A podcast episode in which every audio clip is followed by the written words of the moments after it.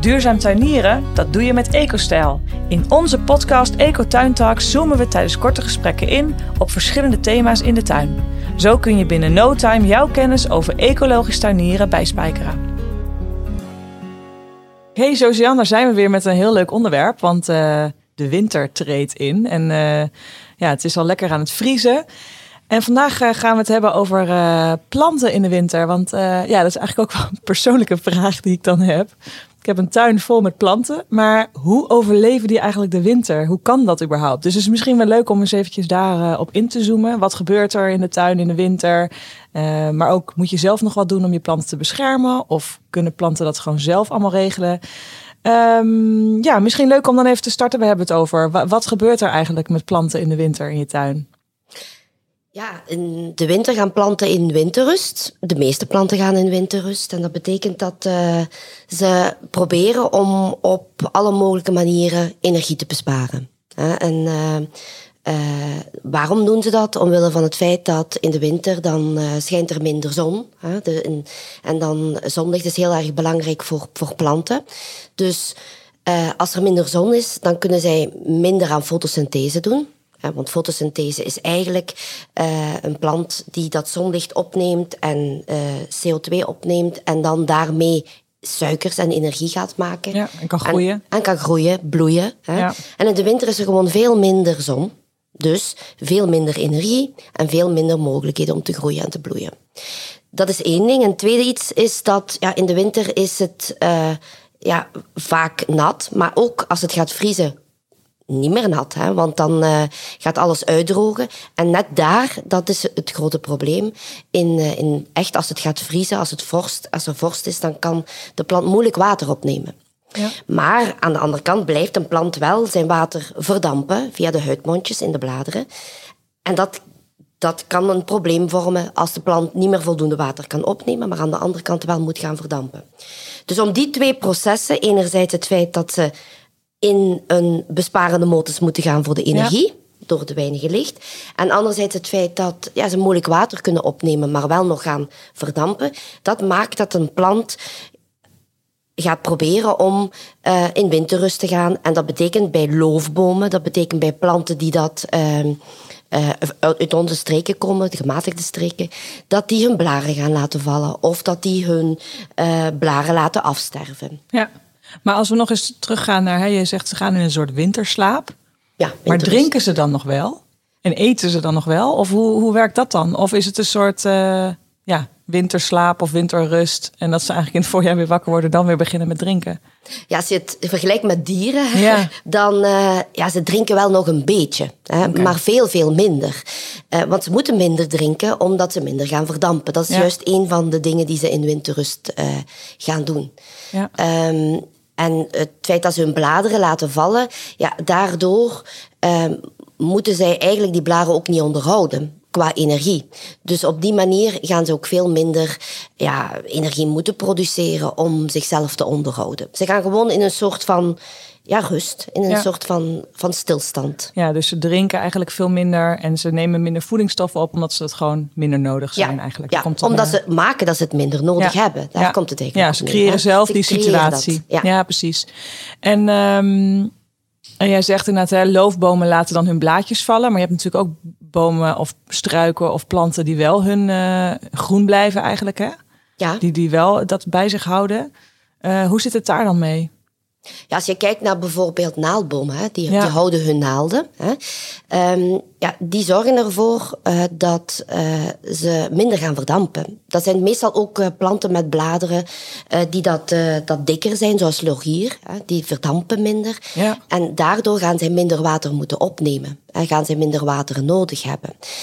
en ja, die planten kunnen dan wel hun bladeren behouden. Ja, precies. En ze gaan dan ook minder aan fotosynthese doen. Ze gaan dat, dat proces een stukje uh, terugschroeven. Ze gaan eigenlijk gewoon een aantal energiebesparende maatregelen doen. Beetje een sluimerstand eigenlijk. Ja, een sluimerstand. Ja, precies.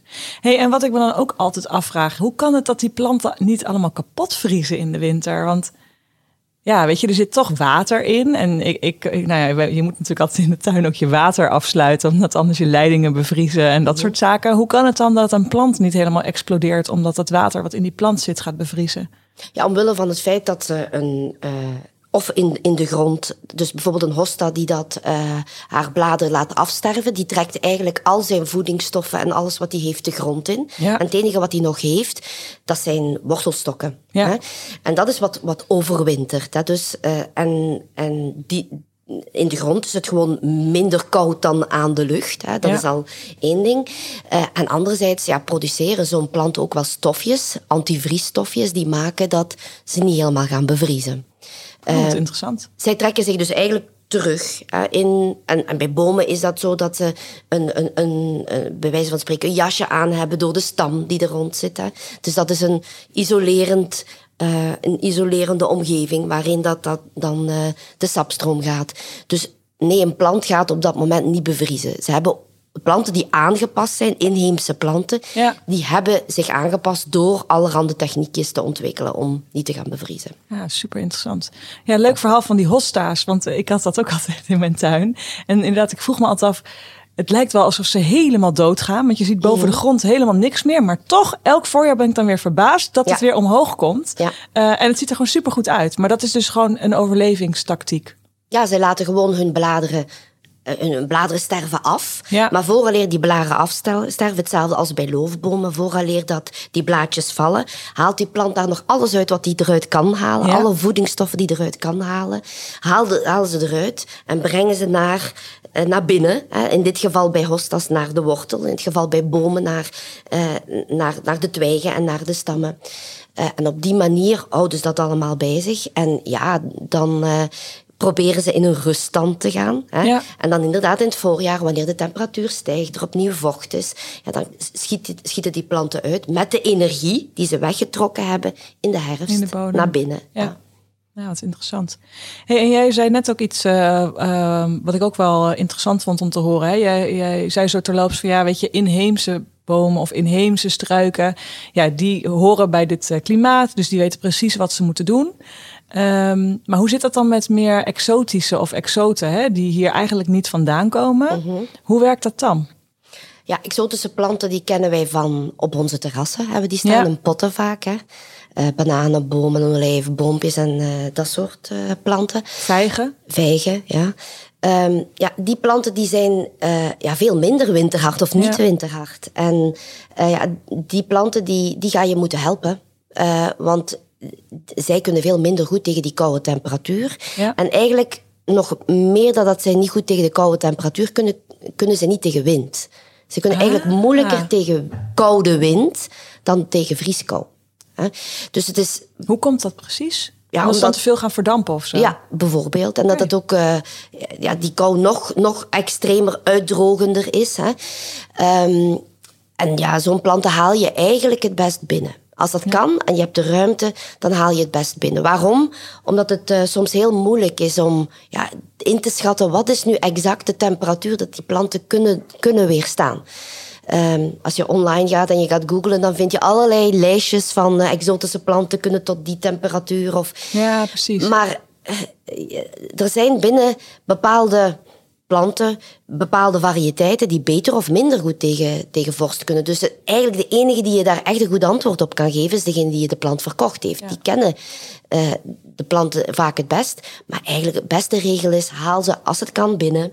En als het niet kan, dek ze dan af met uh, een afdekmateriaal.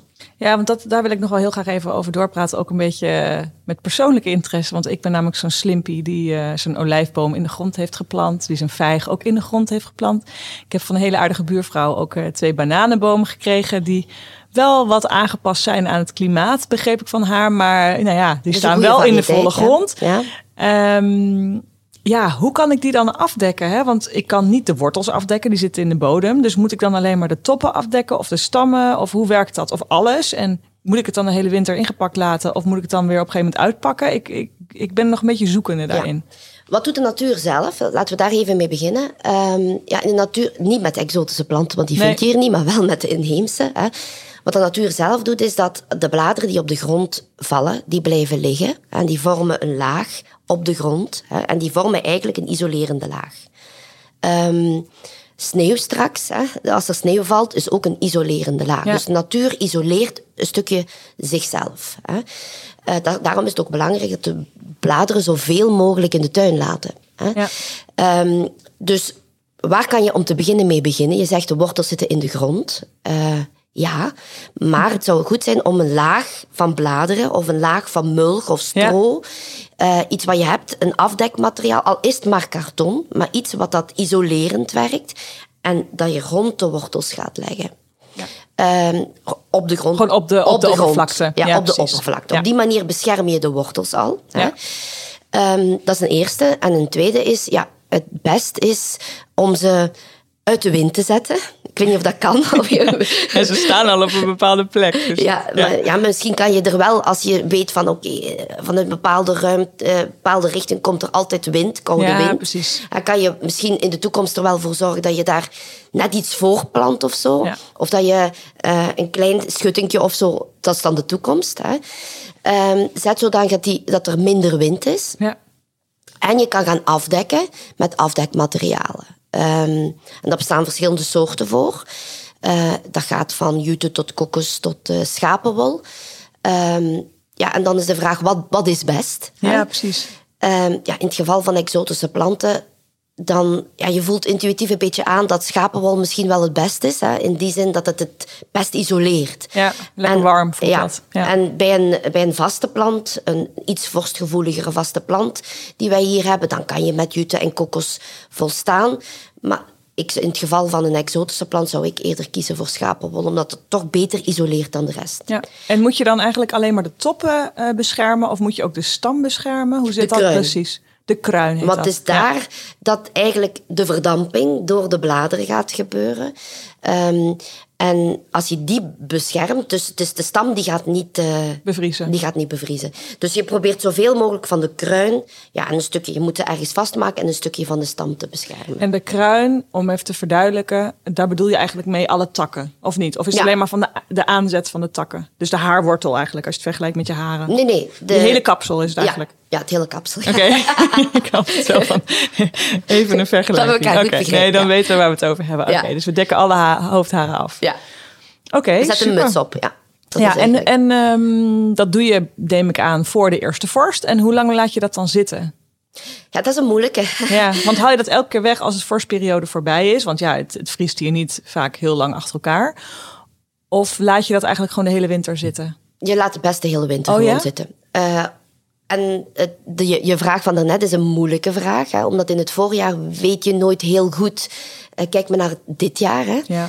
uh, waarbij dat je uiteindelijk toch, ondanks het feit dat uh, de lente zich al aandiende, dat heel veel mensen de moestuin twee keer hebben moeten zaaien omdat het zo koud was. Ja, hè. Ja. Um, ja het, van zodra dat je het idee krijgt van nu komt er geen vorst meer, neem het dan weg. Dus eigenlijk is het natuurlijk pas ijsheilige toch in ja. mei? Ja. ja, maar ja, nee, je kan al iets eerder. ja. ja, precies. Oké. En um, we hebben bij EcoStyle net een gloednieuw uh, assortiment gelanceerd. Uh, met afdekmaterialen. Dus hey, wat een leuk bruggetje. Uh -huh. um, en daar hebben we verschillende producten hè, met uh, schapenwol, jute en kokos. Ja. Kun je misschien daar iets meer over vertellen wat een beetje een leidraad is wanneer je welk materiaal gebruikt? Ik hoorde net al, hè, schapenwol, dat is wel echt het warmste. Dat neem je misschien bij de gevoeligste bomen of struiken. Um, ja, wat kun je nog meer zeggen over jute of um, kokos? Ik, ik, denk dat het dat een beetje is, hè? Dat, die, die dat onderscheid. Uh, ja. Jute en kokos zijn meer uh, doorlatend. Uh, daar, dat, daar zitten nog kleine gaatjes in. Ja. Dus op die manier krijg je toch nog de wind en geen, geen, geen, geen echte wind die doorblaast. Maar je, je krijgt wel nog luchtcirculatie. Ja. Um, terwijl dat bij het schapenwol, ja, dat is veel compacter, veel dichter, veel isolerender. Dus uh, ik denk dat je het best kiest als het exotische planten zijn voor het schapenwol. En bij de inheemse planten, inheemse vaste plant die je wil afdekken, uh, dat je daar jute of kokos kiest. En ja, we, inderdaad, we hebben een heel assortiment van uh, allerhande maten en formaten. Ja, ja, ja, en ik denk dat je dan vooral daar ook naar moet kijken van ja, hoe groot is je plant? Heb ik voldoende om uh, de kruin te kunnen afdekken? Uh, heb ik de juiste vorm? rekening houden met mijn plant. En dan vind je denk ik wel voor ja, voor iedere plant een, een goede oplossing in dat assortiment. Hey, en ik heb nog een leuke bonusvraag voor jou. Want eh, toen wij net uh, in ons grote mensenhuis kwamen wonen met tuin, ehm, ja, waren we natuurlijk echt onwijze tuinrookies. Hè? Dus uh, we dachten, we zagen hele mooie lavendel ergens staan. Dachten, nou super, we gaan, we hebben zo'n jaren dertig huis met van die bakken, weet je wel, die aan het huis vastzitten. Mhm. We gaan die helemaal volzetten met lavendel. Fantastisch. Beetje Frans gevoel. Nou, top. Helemaal volgezet. Wat bleek nou? Het waren geen winterharde harde lavendels. Dus het was echt een onwijze beginnersfout. Mhm. Kun je dan nog iets met afdekmaterialen? Of uh, ja, als het niet winterhard is, is het gewoon überhaupt niet houdbaar?